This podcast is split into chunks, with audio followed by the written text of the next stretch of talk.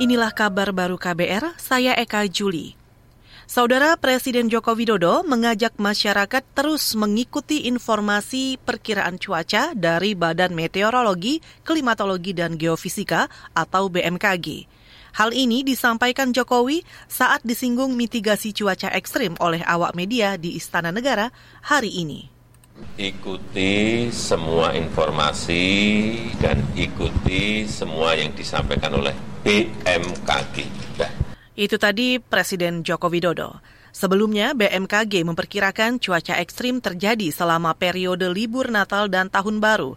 Kepala BMKG Dwi Korita Karnawati mengatakan fenomena ini dipicu anomali dinamika atmosfer hingga menyebabkan peningkatan curah hujan lebat hingga ekstrim. Tren cuaca ekstrim diperkirakan makin meningkat pada esok hari.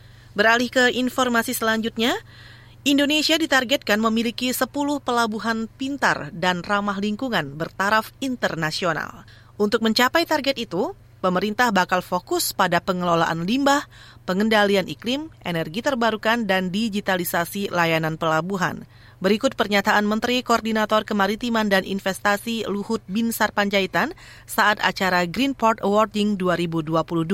Implementasi Green dan Smart Smart Port diharapkan dapat meningkatkan nilai tambah bagi pelabuhan di Indonesia. Masih diperlukan pemutakhiran regulasi dan roadmap untuk percepatan pencapaian target 10 pelabuhan internasional di Indonesia dapat memenuhi seluruh kriteria green dan smart port hingga tahun 2030 serta penerapan green shipping sejalan dengan perkembangan teknologi. Menteri Koordinator Kemaritiman dan Investasi Luhut Binsar Panjaitan juga menambahkan banyak pelabuhan di Indonesia yang tidak memenuhi standar.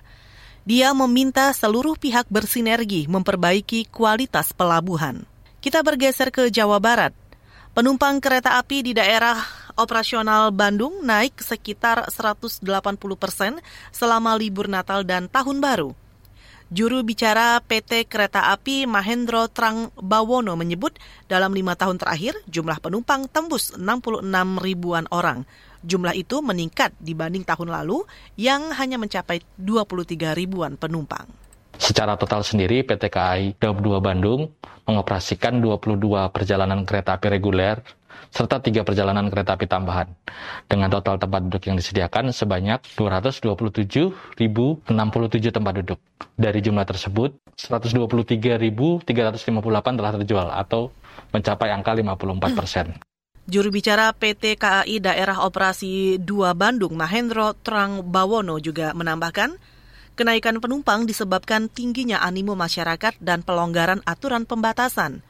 Saat ini masih ada sekitar 103 ribuan tempat duduk yang belum terjual untuk periode libur Nataru hingga awal Januari. Saudara demikian kabar baru, saya Eka Juli.